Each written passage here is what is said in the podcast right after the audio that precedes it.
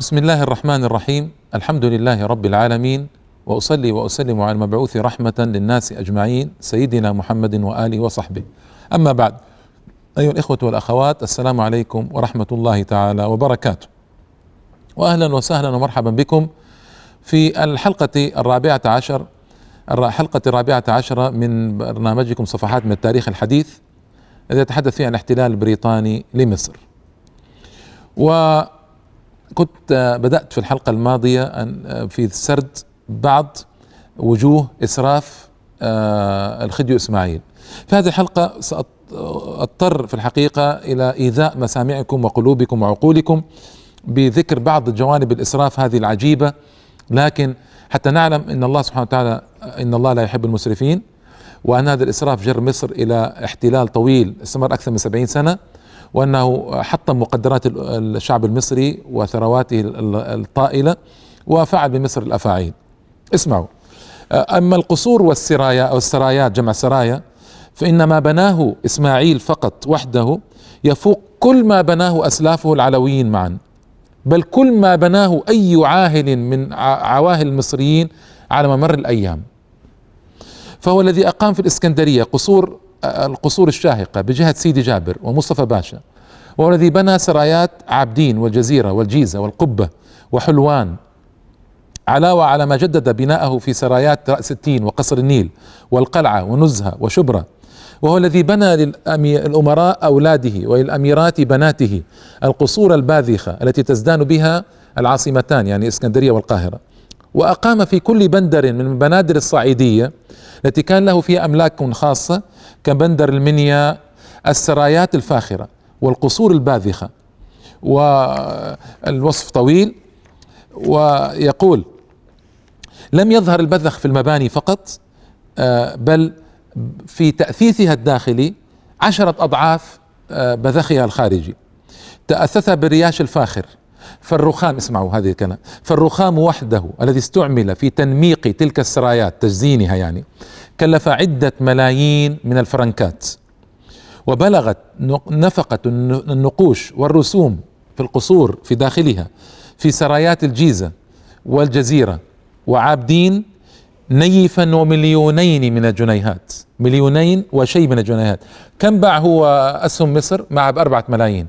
هنا فقط النقوش على في بعض القصور كلفت أكثر من مليونين من الجنيهات. أرأيتم إلى جريمة؟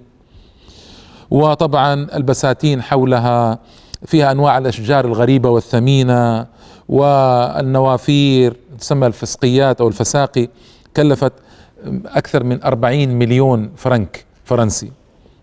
أما الرياش والفرش فقد بلغت تكاليف الستارة الواحدة أكثر من ألف جنيه. وألف جنيه يعني بالعصر الحالي مليون جنيه.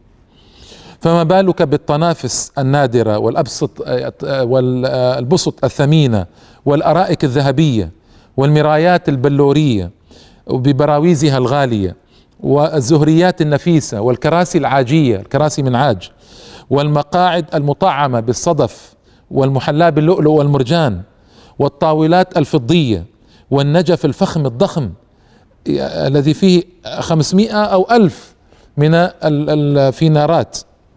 التي يوضع فيها الزيوت هذا قبل الكهرباء. وما بالك بالآنية الفخمة والكثيرة المختلفة الذهبية والفضية؟ ومعروف أن لا يجوز لنا نأكل ولا نشرب في آنية الذهب والفضة لكن هذا الذي جرى. وكلها محلاة بحرف آي باللغة الإنجليزية يعني يرمز إلى إسماعيل بالذهب. والمجوهرات العديمة المثال من ماس ودرر وياقوت وزمرد وزبرجد وفيروز وخلافها مما كان يقدر ثمنه بنيف وأربعة ملايين جنيه. يعني بأكثر مما باع أسهم مصر في قناة السويس. تصور أنت هذا الرقم. يعني نيف وأربعة ملايين جنيه مصري فقط مجوهرات في القصور. هذا الذي عرف في القصور هذا غير الحلي الخاصة بنسائه وجواريه شيء آخر. أما عيد الجلوس اسمعوا عيد الجلوس يعني كل سنة متى جلس آه هذا السلطان الظالم الجائر المسرف المفسد السفيه متى جلس على الكرسي كل سنة؟ يعني عنده عيد فإنه كان يمتاز بمرور عشرة آلاف درويش صوفي يعني بإشاراتهم وراياتهم أمام شرفة القصر بعابدين. ويمتاز أيضا باستعراض فخم يقام بالعباسية وتأمه جماهير الناس من كل فج عميق. وناهيك عما يقام في هذه الأعياد من الولائم وما ينحر من النحائر وما يوزع من الصدقات وينعم به من النعم ويجاد به من العطايا. فما من اسمعوا هذه مهمة. فما من مستخدم في القصور مهما كان حقيرا إلا وتخرج له الهدايا الثمينة المتنوعة. للكبراء تمنح القصور والأطيان يعني الأراضي والجواري الحسان والجواهر الثمينة. والجياد المطهمة. وللمتوسطين تهدى سرر النقود أو السيوف المرصعة والآنية الفاخرة والرياش الوثير. وللأصاغر تعطى الجوائز من الخواتم والساعات والملابس والحلويات. فكنت ترى الأقوام على اختلاف مراكزهم الاجتماعية ينتظرون حلول الأعياد بمطامع مفتوحة وأعين مرفوعة مركزها ولي النعم وآل بيته. فتجود أيدي إسماعيل وأزواجه وبناته مما يشبع تلك المطامع ويقر تلك العيون. وكأنها أمواله أموال الشعب هذه. وليتها من ماله كلها ديون. وديون تحسب على الشعب المصري المسكين أما الأفراح والأعراس فلا أوقع في تقريبها إلى دائرة المخيلة من وصف الأعياد التي أقيمت احتفالا بزواج الأمراء الثلاثة. توفيق ولي عهده من بعده وحسين وحسن أبناء إسماعيل. من الأميرات أمينة هانم إلى آخر أسماء الأميرات وأقيمت ابتداء من 15 يناير سنة 1873 يعني يا إخوة ويا أخوات في عز الأزمة وفي وسط الأزمة أقيمت هذه الأعياد. دامت أربعين يوما كاملة باعتبار عشرة أيام لكل فرح منها. كل فرح منها امتد عشرة أيام. ولا يزال ذكرها إلى يبهر تصور الذين رأوها وعاشوا أيامها. شوارع العاصمة زينت كلها. وبلغ يعني الشوارع والحارات والقاهرة ضخمة. بلغ مجموع ما زين في هذه الشوارع والحارات وكذا مئات الكيلومترات. زينت. وسطعت ملايين الأضواء في العاصمة لمدة ستة أسابيع متوالية. يقال في الوصف والوصف عجيب في الحقيقة ظن الناس انهم انتقلوا إلى منطقة مثل مناطق القطب الشمالي فيها النهار دائم. فأصبح يعني من ملايين الأضواء التي آه، أشعلت في العاصمة فكأن النهار دائم لمدة ستة أسابيع. انظروا لهذا الإسراف العجيب. نصبت في كل الجوانب المسارح المرتجلة يعني متنقلة تعبيرنا اليوم. ليمثل عليها الفنانون وجوقات الكراكوز. الكراكوز هو أو قرى قرى قوز. هذا طبعا مسرح تركي. كان يمثل فيه مسرح العرايس وكذا من وراء ستار. مشهور هذه بدايات بدايات المسرح الأولى. القراقوز أو الكراكوز أو يعني ايا كان يمثل عليه مسارح كثيرة. فيحضر من شاء هذا هذا التمثيل. وأتى بالبهلوانيين وألعاب السيرك لتمثل أمام الناس. هذه أسابيع طويلة. وأيضا أطلقت الصواريخ مثل اليوم نسميها نحن طراطيع أو سميها ما شئت في العيد يعني. وأخذوا يشعلون في العاصمة كل ليلة لمدة ست ساعات متواصلة. هذه الصواريخ يشعلونها في كل أنحاء العاصمة في كل أحياء العاصمة ست ساعات متواصلة. فكيف سيكون المنظر؟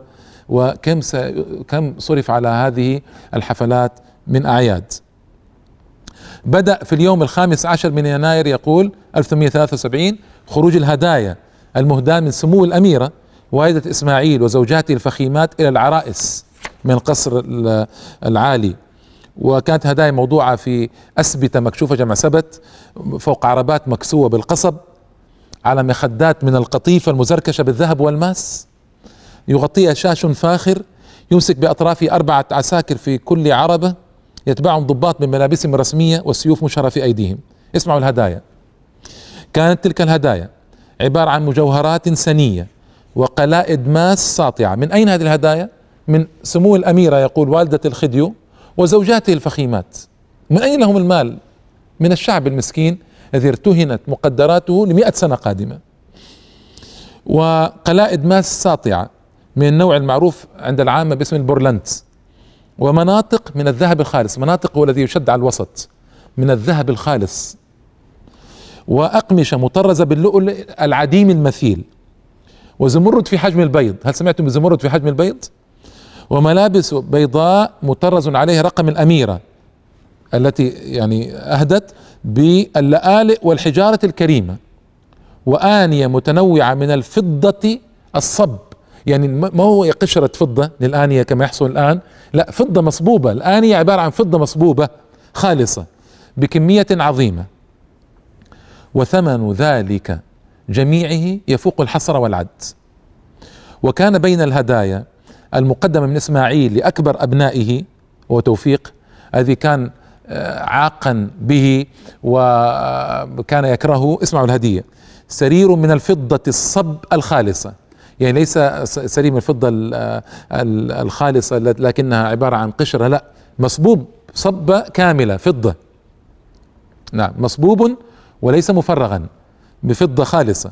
شبيه بالذي أهداه إلى الإمبراطورة أوجيني إمبراطورة الفرنسيين أثناء إقامتها بمصر. محلا بماء الذهب الإبريز الخالص يعني و24 قيراط كما نسميه اليوم. وعواميده الضخمة مرصعة بالماس والياقوت الأحمر النادر والزمرد والفيروز. فاجتاز الموكب المهيب شوارع العاصمة آه، بين سياج حي من العساكر. ولم يختلف اسمعوا الكارثة ولم يختلف شوار الأميرات. شوار يعني هداياهن عين الحياة وخديجة هانم وفاطمة هانم والهدايا المهداة إليهن عن شوار أمينة هانم. زوجة أكبر أبنائه وما أهدي إليها مما تقدم وصفه. يعني كل الأربعة الأميرات أهدي إليهن هدايا متقاربة على هذا الوصف الذي تم. فماذا ماذا ما يعني إسراف ليس له نظير. وبعد الفاصل سآتيكم بأخبار أيضا أسوأ. فابقوا معنا وتحملوا لأن هذه الأخبار لا أتي بها على وجه القصص لكن أتي بها على وجه العبرة والعظة. فابقوا معنا يا الإخوة والأخوات.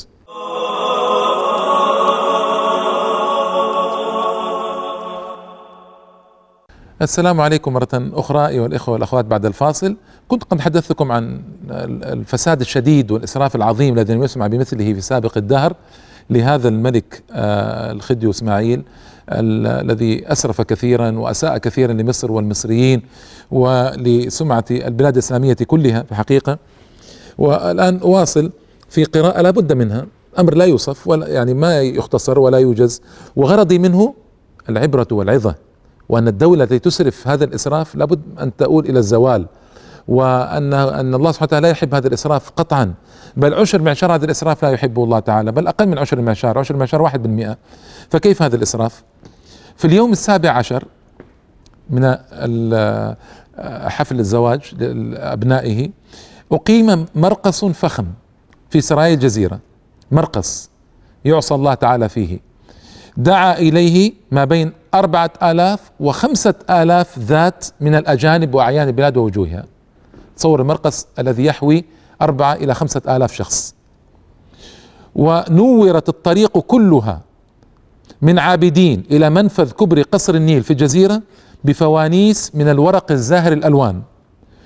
ونشر عدد عديد من هذه الفوانيس عينها في جميع طرقات البستان الجميل المحيط بتلك السرايا البديعة.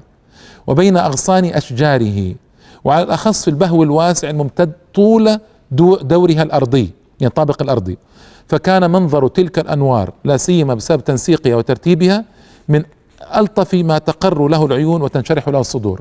بالعكس تضيق به الصدور لكن هذا وصف رجل منبهر بما جرى. اسمعوا. وامتاز ذلك المرقص بانهم هيئوا فيه وليمة عظيمة للمدعوين. بعد أن ماجت بجموعهم الراقصة القاعة الفسيحة حيث كنت ترى الأنوار المختلفة الألوان المنبعثة عن حلي عقيلات المدعوين زوجات المدعوين تقترن بسطوع أكتافهن ونحورهن العارية. إنا لله وإنا إليه راجعون. سامحوني على هذا الكلام لكن لابد من ذكر المفاسد حتى نعرف كيف محلت الدولة.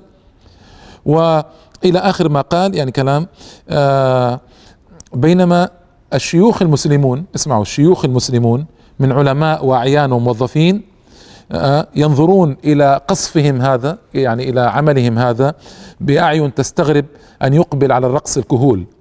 وعوض أن يعني مشايخ يحضرون مثل هذه الأماكن عوض ان يقوموا وينكرون ويعني يهيجون الشعب على مثل هذا الفساد والإسراف.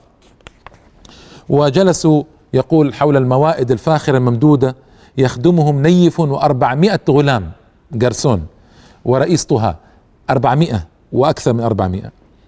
وفي التاسع عشر من من يناير آه، بدأت أعياد القصر العالي ونصبت في الساحات الصواوين والسرادقات آه، وفرشت بالسجاد الأعجمي الفاخر ورتب مقصفان المقصف طبعا ومعلوم المقصف هو المكان الذي يعني يشترى منه الطعام لكن رتب مقصفان مجانيان للعموم للعامة الناس يأتيان. أحدهما على النمط الغربي وما فتئ مزدحما بقاصديه يعني كان دائما مزدحم هذا المقصف الغربي. ليش؟ لأنهم راغبون في أنبذته العتيقة الجيدة جمع نبيذ يعني الخمر نسأل الله العافية أم الخبائث. والآخر على النمط الشرقي وأقيمت صواوين خاصة بالقناصل وصواوين خاصة بالتجار وصواوين خاصة بالعلماء وسرادق لمحافظة العاصمة علاوة على الصواوين التي أقامها الأعيان على نفقتهم الخاصة بأنفسهم وللرقص والغناء والفساد وإنا لله وإنا إليه راجعون. أقول إنا لله وإنا إليه راجعون أن يكون إسراف مثل هذا يجري في بلاد الإسلام. وطبعا هذا الذي جرى والهدايا التي ما سمع بمثلها والحلي والمجوهرات العجيبة وهذا إسراف لا يرضى الله عنه. ولو كان من ماله أيضا يكون يجب شرعا يحجر عليه يكون يعد هذا شرعا سفيه يعد سفيها ويجب أن يحجر عليه. فما بالكم إن كان من مال الشعب؟ وليته من مال الشعب أيضا. يعني كان الشعب ممكن أن يتصرف مع حاكمه بصورة من الصور لكنه أكثره من مال استدانه من الغرب. آه، يكفي أن تعرفوا أن التكلفة يعني لهذه الحفلات كانت تعد بملايين الجنيهات. هذه التكلفة فقط يعني للولائم وللأنوار وللمراقص وللنبيذ والخمر بملايين الجنيهات. هذه التكلفة فقط. أنا ما أتحدث الآن عن الزمرد بحجم البيض ولا الياقوت الأحمر الفاخر ولا الأواني والسرائر التي آه، مصبوبة بالفضة الخالصة. هذه ما تقدر بثمن كما وصفها الواصف. ما تقدر بثمن أصلا هذه. آه، لكن يعني آه، إذا أردنا أن نقدر هذا فنقول أن تكفي لسداد كل ديون الدولة المصرية وكل الديون التي ترتبت على بيع الأسهم بعد ذلك واستعمال أموالها التي وصلت إلى أكثر من 100 مليون جنيه. فتصوروا. والكارثة أن اللجنة لجنة كييف هذه الدولة العثمانية نهت إسماعيل نهته عن هذا الإسراف. وماذا يصنع؟ صار يستدين بصفته الشخصية. لجنة كيف؟ تذكرون لجنة قلت لكم أن أرسلها لجنة خبير مالي بريطاني وكذا جاءت إلى مصر لتقوم الأمور. الكارثة العظمى والتمهيد الاحتلال جرى بأن عدت ديون إسماعيل الشخصية ديونا على الدولة المصرية. هذا الظلم يعني حولت الديون الشخصية التي كانت على إسماعيل لتصير ديونا على الدولة المصرية. فإذا مات إسماعيل أو نحي كما حصل يكون الدين على الدولة وليس دينا شخصيا باسم إسماعيل. وهذا من أكبر الكوارث التي جرت في مصر. لأن الدين كان مقسم قسمين دين على الدولة المصرية ودين باسم إسماعيل الشخصي آه، بالصداقات والعلاقات التي كانت له بملوك ورؤساء الغرب. حولت اللجنة ظلما كل الديون الشخصية التي كانت لإسماعيل تصبح دينا على الدولة المصرية. فكل الديون المبالغ استدانها من أجل إقامة هذه الحفلات وحفلة قناة السويس والحفلات عيد الجلوس كل سنة كل سنة مدار 17 عاما. كل الديون هذه يعني كانت بقرض غربي. والقرض الغربي هذا كان له فوائد. وصل العجز بإسماعيل أيها الإخوة والأخوات إلى أنه لا يستطيع أن يسدد فوائد القرض. ما هو ما هو اقساط القرض؟ هناك أقساط سنوية للقروض هذه. هناك فوائد عليها ربا يعني على هذه الأقساط. وصل العجز به أنه لم يستطع أن يدفع ربا الأقساط دع عنك الأقساط نفسها. هذا ما جرى بسبب الإسراف الشديد والتبذير الشديد ورغبة إسماعيل تصرح بها أن يحول مصر إلى قطعة من أوروبا.